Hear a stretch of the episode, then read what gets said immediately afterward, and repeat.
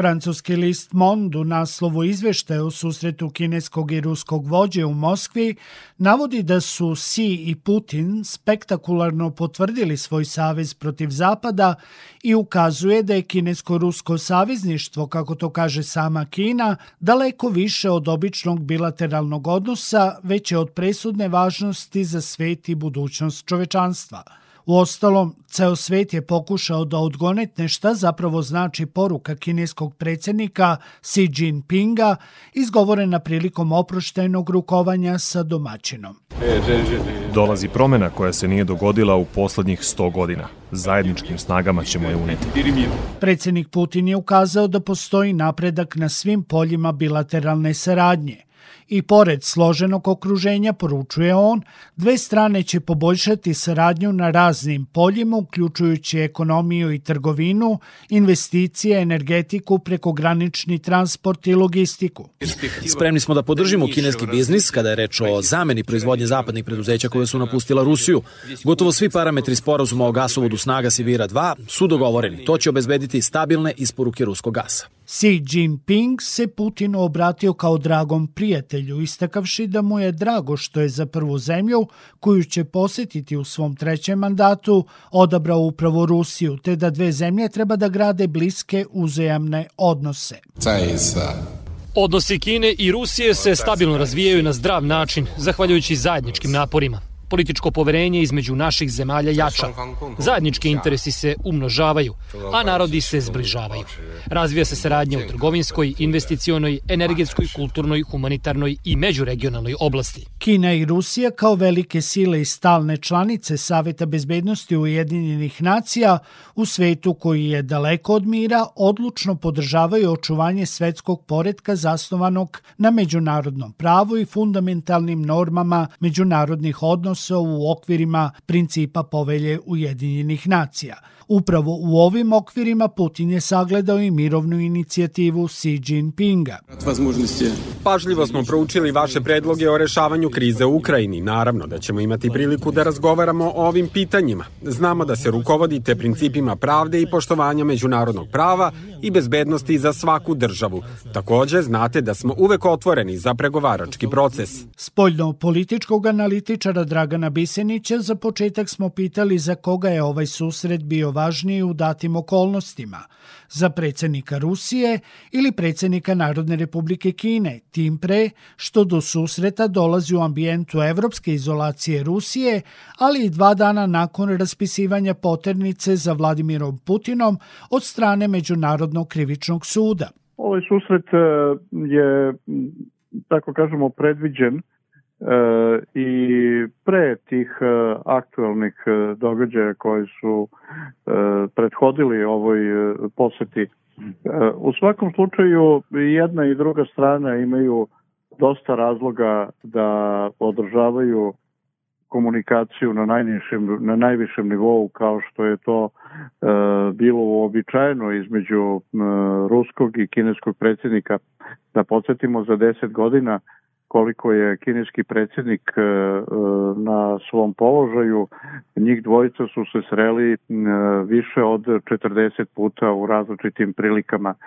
Ovo je na neki način uzvratna poseta kineskog predsjednika Moskvi, budući da je prošle godine predsjednik Putin bio u Pekingu 4. februara, zatim i 21. februara na uh, otvaranju olimpijskih uh, igara.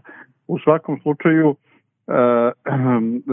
jedan i drugi državnik su imali svoje razloge za održavanje ovog susreta, a najvažniji razlog čini mi se jeste jačanje i harmonizacija odnosa Kine i Rusije pred e, drugim e, rivalima na globalnoj sceni, znači a pre svega pred e, zapadnim e, državama, Sjedinjenim američkim i NATO. Na direktno pitanje kako tumači potpisanu zajedničku deklaraciju i nekoliko strateških dokumenata o saradnji Rusije i Kine, odnosno šta je konkretno prepoznao kao najbitnije strateške ciljeve u zajedničkom delovanju, Bisenić kaže.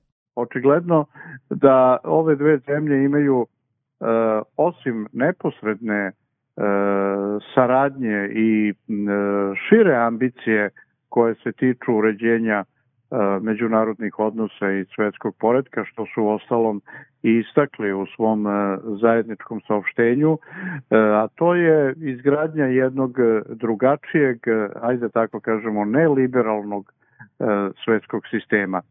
U svakom slučaju e, postoji više e, nivoa e, koji ukazuju da je ova saradnja i jednoj i drugoj zemlji važna. I ono što može u ovom trenutku da se kaže jeste da potpisani sporazumi i ceo ton koji je vladao na ovom e, susretu, takođe i intonacija ovog saopštenja, e, govore o produbljivanju e, strateškog partnerstva između dve zemlje koji može da se okarakteriše kao stvaranje jednog ogromnog evroazijskog bloka.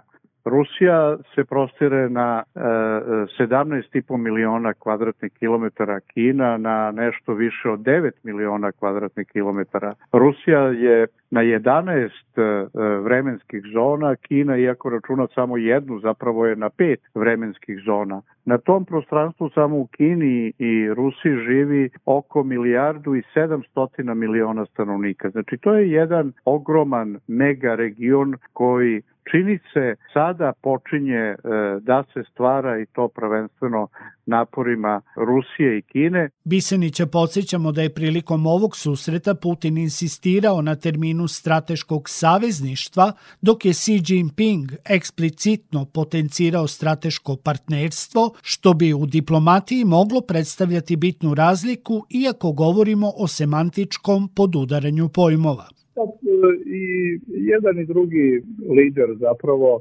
očigledno da su mislili na učvršćivanje međusobnih e, odnosa i ono što je najviše zanimalo posmatrače, a pre svega zapadne zemlje, jeste da li će ovaj sporazum i na koji način ovaj susret zadirati u vojna pitanja ili u pitanja bezbednosti. Ta pitanja nisu direktno pomenuta Međutim, u, već na početku izjave govori se o međusobnoj saradnji i međusobnoj podršci zaštiti teritorijalnog integriteta i suvereniteta. To već može da uputi na e, postojanje, ako ne direktnog sporazuma, a onda jednog e, dosta dubokog razumevanja između dve strane o zajedničkim interesima u opisivanju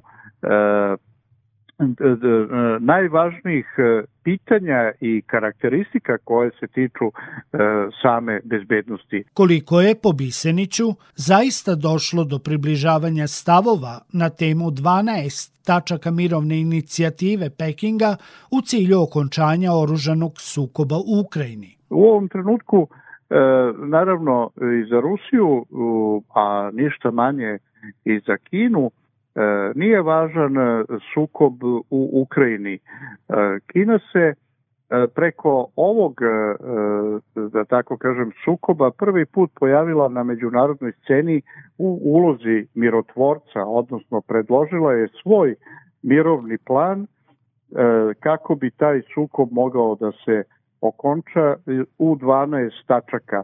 Nakon toga je usledio drugi korak, zapravo kada je Kina 5. E, marta uspela e, da pomiri Saudijsku Arabiju i Iran e, i na taj način ojača svoju poziciju međunarodnog, međunarodnog pregovarača. Na ovaj način Kina se uspostavila i zapravo pokazala kao, kao možda jedini partner u, u međunarodnoj zajednici koji može da utiče na ponašanje Rusije, ali takođe i kao e, vrata koja vode do Rusije ukoliko dođe do E, razgovora o miru i pregovora o mirovnim, mirovnim sporazumima. I za sam kraj, spoljnopolitičkog analitičara Dragana Bisenića pitamo koliko se slaže sa ocenom da je nakon ovog susreta Putin jednostavno priznao da Rusija više nije vodeća velesila i da je predao štafetu Kinezima i kako protumačiti poruku Xi Jinpinga da se promene neviđene u jednom veku odvijaju ubrzano i da međunarodna ravnoteža snaga prolazi kroz duboki zaokret. Pa nesumljivo, ako se gleda na potencijal e, ekonomski uopšte proizvodni e, Kina i Rusija su e, neuporedive. Međutim, to su različite kategorije i koje dovode do različitog ponašanja. Kina je država koja, čija proizvodnja čini negde oko 20% svetskog, društvo, svetskog bruto društvenog proizvoda i e, Kina je e, prosto e, e, neodvojivo integrisana u svetsku razmenu i u svetsku ekonomiju.